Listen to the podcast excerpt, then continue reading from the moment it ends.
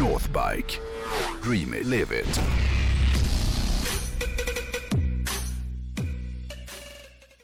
Alltså den här veckan Mm. är jag eh, extra uppspelt över att få snacka lite hoj. För- Du pratade om att du skulle köpa en ny hjälm. Ja, Du har, du har köpt en hjälm, men du har ingen hoj än. nej men jag Och nu vill ha vill en till ny- hjälm. ny- ny- Egentligen vill jag ha två nya. Ah. Men vi, det, det, ja, det, det, det är en annan historia. Eh, ända sedan nyår så har jag varit helt besatt av en sak. Ja. Du vet vad det är. Ja. Eh, Paris-Dakar. Paris-Dakar. Ja. Ja, fy satan. Eh, Alltså Dakar startar ju femte Det, sjuk, januari. det sjuka är Mm. att när du och jag lärde känna varandra för 25 år sedan, Ja, då det enda vi pratade om i början, ja. det var Paris-Dakar. Att vi ska köra Paris-Dakar. Att vi skulle köra Paris-Dakar Ja. Sen, sen försvann det liksom bort Ja, i det var- dimmorna. Ja, Ja, vi skulle åka, för då var det ju roddar, Customs och muskelbilar. som liksom- sen kom det barn och fruar Ja. och i vägen liksom. ja. Och ja, verkligen i vägen. jag för Paris-Dakar. Ja, men precis. Eh, Det drog ju igång 5 januari, håller på fram till den 17 och jag har ju kollat varje etapp på tv så här långt och det är otroligt spännande. Jag brukar kolla eh, lite på Dakar tidigare, men då har jag ju mest kollat på bilarna och det var ju det vi pratade om då, att du och jag Mm. skulle köra bilarna. De skiter jag fullständigt i år. Nu är det bara hojarna jag följer. Mm. Det måste vara det läskigaste man kan göra, köra Paris-Dakar på motorcykel. Ja, och det är liksom mest äkta eftersom det var så det började. Man ligger i 180 blås och, och man ser inte potthålen. Nej, det är, nej det, det är så jävla fränt. Det blir liksom inte fränare. Nej. Men det här passar hur som helst väldigt bra in eh, med det jag har tänkt att snacka om idag. Mm. För jag har ju under några veckor snackat lite om de olika varumärkena som Northbike säljer. Eh, och den här veckan så har det liksom blivit dags för märket som ju på något sätt är den okrönte konungen av Dakar-rallyt när vi pratar hojar. Det är ju nämligen KTM som vi ska snacka om. Ja. KTM är ju ett hojmärke eh, som jag tror ganska många tänker på som ett ganska ungt företag. Men KTM grundades faktiskt redan 1934. Av en, Oj. Ja, eller hur? Det var en jävla surprise. Ja, och det var en glad österrikare vid namn Hans Trunkenpoltz i Mm. staden Matighofen som, som gjorde det här då. Och även om jag vet att KTM har tillverkat fina motorcyklar väldigt länge så känns det som att det är de sista 20 åren som de verkligen har liksom etablerat sig som en av de riktigt starka varumärkena på hojhimlen. Eller hur? Håller du med mig om det? Ja. Lite så. Jag tycker alltid att KTM har känts lite taniga. Det vet jag fan. Det är tid. Nah. KT, namnet KTM kommer från de första bokstäverna i namnet eh, Krautfahrzeug Trunkenpolz Mattighofen, det vill säga Du skulle klara dig väldigt bra i Österrike. Ja men eller hur? Man känner om du ska gå och handla mat Ja. och sånt där. Du, har eh, liksom lingot redan. Ja, men jag hör ju det. Österrikisk lingo. Kraft- lederhosen. Krautfahrzeug, eh, det betyder väl fordon om jag inte minns fel och att de minns fel. Även från För mina tyska lektioner Från menar jag. tidiga minnen av österrikiska Nej men jag har ju läst lite tyska åtminstone. Ja, skitsamma då. Mm. Eh, ja men Trunkenpolz är i alla fall hans efternamn. Och så sista eh, namnet är då staden Matighofen. Ja. Eh, så att KTM står då för det. KTM har ju ingen egen, eller när de drog igång då hade KTM ingen mot, egen eh, motorcykeltillverkning. I början fokuserade de bara på att laga alla möjliga olika fordon. Men det gjorde de så bra så att de ganska snart blev det största liksom, fordonsverkstan i Österrike. Vadå bilar och motorcyklar? Ja, allt möjligt. Det var en Eh, verkställ helt enkelt. Ja, en st- stor eh, verkstad. Eller Ah, ja. blev stor för att de var, de gjorde det, de var minutiösa. Du vet ju österrikare. Ja. Ja. Eh, Men jag känner lite att... Jag känner bara till en. Ja. Men jag känner, jag, i den här veckan, jag har inte riktigt, jag orkar inte riktigt rinna igenom KTMs historia från 34 fram till nu. Det är ingen som bryr sig Nej, om jag den. vill ju direkt kasta mig in i, liksom framåt i tiden och snacka om deras otroliga dominans i just Dakar. Mm. Men innan jag hoppar dit så, så kanske jag ändå måste nämna några milstolpar som har varit viktiga för KTM i deras resa mot Dakar. Ja. 1956 till exempel så ställer KTM för första gången upp i det internationella sexdagars endurotävlingen i Garmisch-Partenkirche. Aha. Och vinner! Häpnadsväckande första gången de ställer upp. Eh, Och det här är ju då en i raden av många vinster som KTM gör under de kommande åren på bana, men kanske framförallt off-road då. Och i början på 70-talet då pumpar de ur sig väldigt bra krossar och duros, för då har de gått över till att börja tillverka motorcyklar. Mm. Primärt 250s på 70-talet var de tillverkade. Jag tror att de tillverkade och sål- sålde inte mindre än 42 olika modeller vid den här tiden. Och jag tror även att det var då någon gång som KTM fick sitt första VM-guld i motocross. Har för mig att det var 74 har jag läst någonstans. 75 så skopar de hem tre olika stora mästerskapstitlar. De vinner Österrikes motocrossmästerskap, de vinner EM i enduro och de vinner även VM för 250 det året. Och så där fortsätter det liksom. 78 tar de VM-guld igen. Eh, och 1980 så byter de namn till KTM Motorfahrzeugbau. Fråga mig inte vad det betyder. Eh, jag skulle kunna sitta och rabbla mästerskap resten av podden, men jag skiter i det också. Jag kommer även att skita att nämna framgångarna som KTM haft på racingbanan med Team Red Bull KTM. Utan tanken är ju att jag ska liksom snacka lite Dakar idag. Men det finns så mycket i KTMs historia som jag ändå bara måste nämna om vi inte ska bli liksom nerringda av lyssnare som, som eh, liksom kommer att gnälla om saker som jag borde ha sagt. Bland annat så kan man ju tänka sig att folk skulle ha åsikter om att jag inte, om jag inte nämner att KTM var först med att erbjuda en hoj som hade skivbromsar både bak och fram 1989. Ehm, och att de även vinner samtliga klasser i sex dagars eh, samma år.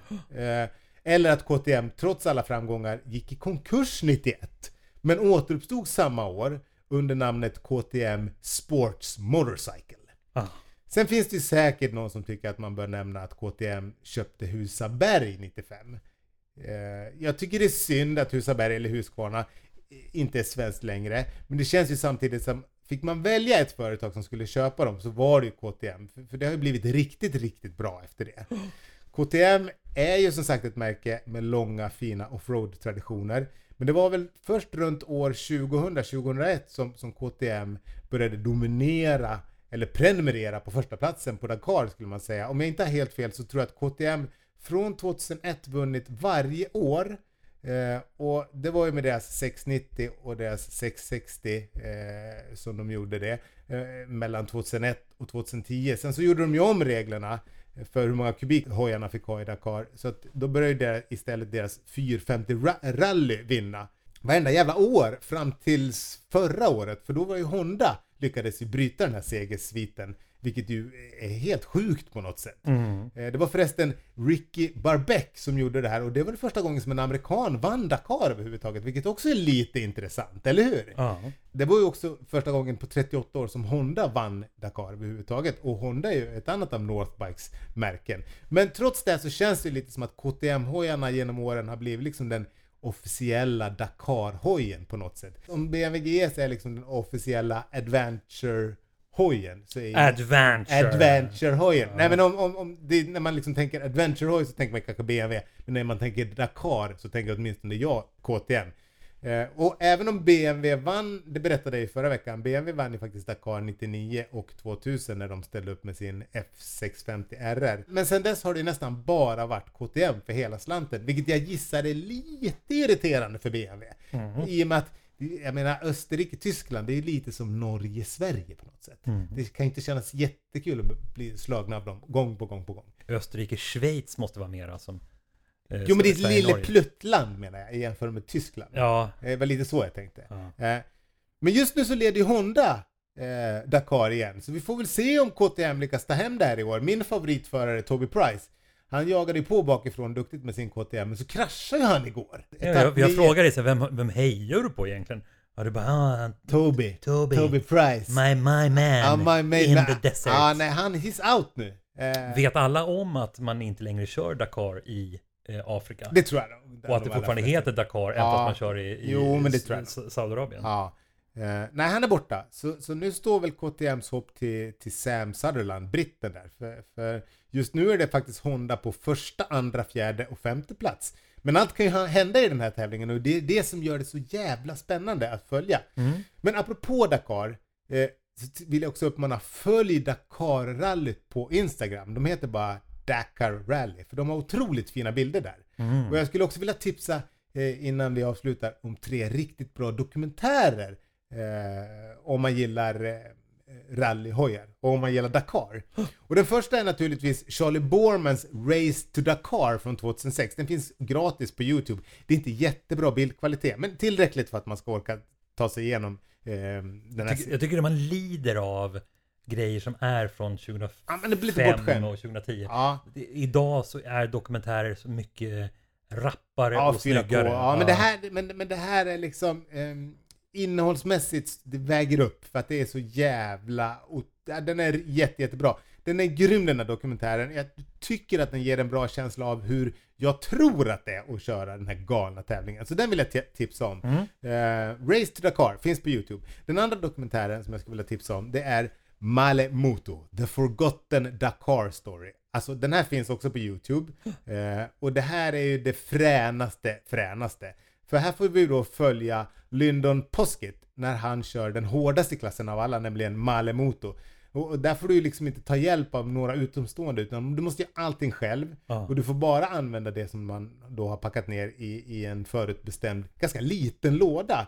Eh, och det här är så fränt så det nästan gör ont att titta på. Hur många av dem fullföljer rallyt procentuellt Ja, jag vet faktiskt Det, inte. det är ju det svåraste. Men det är, svåraste, väl, det är liksom. väl 40% Tutti Balutti av alla som startar som går i mål. Så Aha. att, så att eh, 60% kommer ju inte i mål överhuvudtaget. Eh, exakt hur många det är för Malemoto, den, den är säkert större. Jag tror Malemoto heter väl inte, den heter det heter Mutull Original tror jag den klassen heter Ah. nu. Om jag inte har helt fel. Slutligen så skulle jag tipsa om en dokumentär på en kanal som heter Dream Racer TV. Mhm. Eh, Och dokumentären heter just Dream Racer.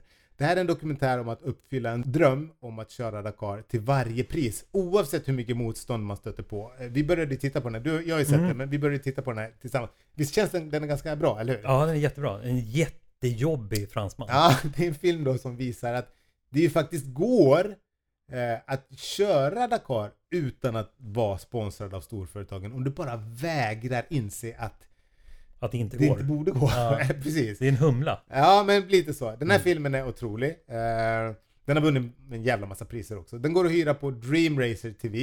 Det kostar 40 spänn. Jag låg och, låg och kollade på den här för några dagar sedan hemma i soffan.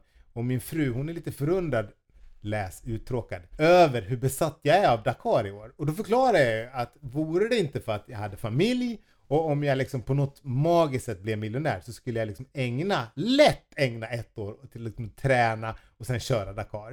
Eh, det är liksom den optimala bucketlist-grejen, Större än Everest, större än allting. Jag skulle hellre köra Dakar än åka till månen på något sätt kan jag känna. Och då säger min fru, lite oväntat, att så här. Jo, men blir du miljonär så lovar jag att du får köra Dakar. Vilket gjorde mig jävligt förvånad och glad. Man ska ju komma ihåg att sen starten eh, 79 så har ju 30 förare dött. Varav 22 är motorcyklister då. She wants you dead. Ja, men lite så.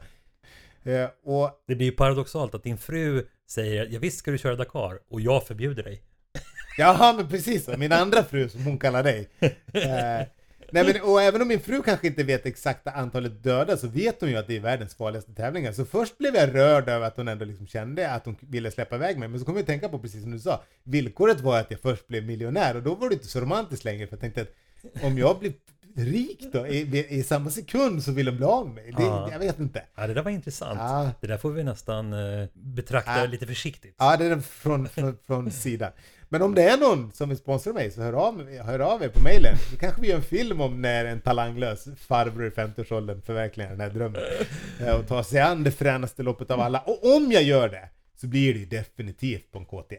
Ja, är det så? Så är det. Alltså, jag, jag får inte, eller jag har tidigare inte haft så mycket känsla för KTM. Eftersom jag kanske mer leviterar mot andra märken. Mm. Men samtidigt så, så jag vill ju alltid röra mig mot fyra hjul snarare än två. Ja, men då vilket, du är, gilla KTM. vilket är obegripligt för Ja. många. Men det, det som väldigt många troligtvis inte känner till. Ja. Det är att eh, KTM har en, en, jag ska säga, en produkt som heter Exbo GTX. Ja. Man känner till de här öppna, lite sportiga, fyrhjuliga. Eller, ja, den hette väl också Expo? det är väl också. Ja, men nu- Men, men GTXen, det är en fullfjädrad GT-bil. Alltså en, en, en McLaren-aktig, Koenigsegg-aktig racerbil. Ja, vad tycker du om designen då? Den känns väldigt så här Le Mans, Le Mansig, eller Ja, hur? den, är, den är inte ful. Nej. Den är inte den snyggaste av dem alla. Det sitter en Audi 2,5 liters femcylindrig TFSI-motor i den. Mm. Eh, med en sån här carbon monocoque chassi och roll cage. Och, ja, det är en supersportbil. Det är skitfränt. Var inte så negativ nu. den är skitfrän. Heja KTM!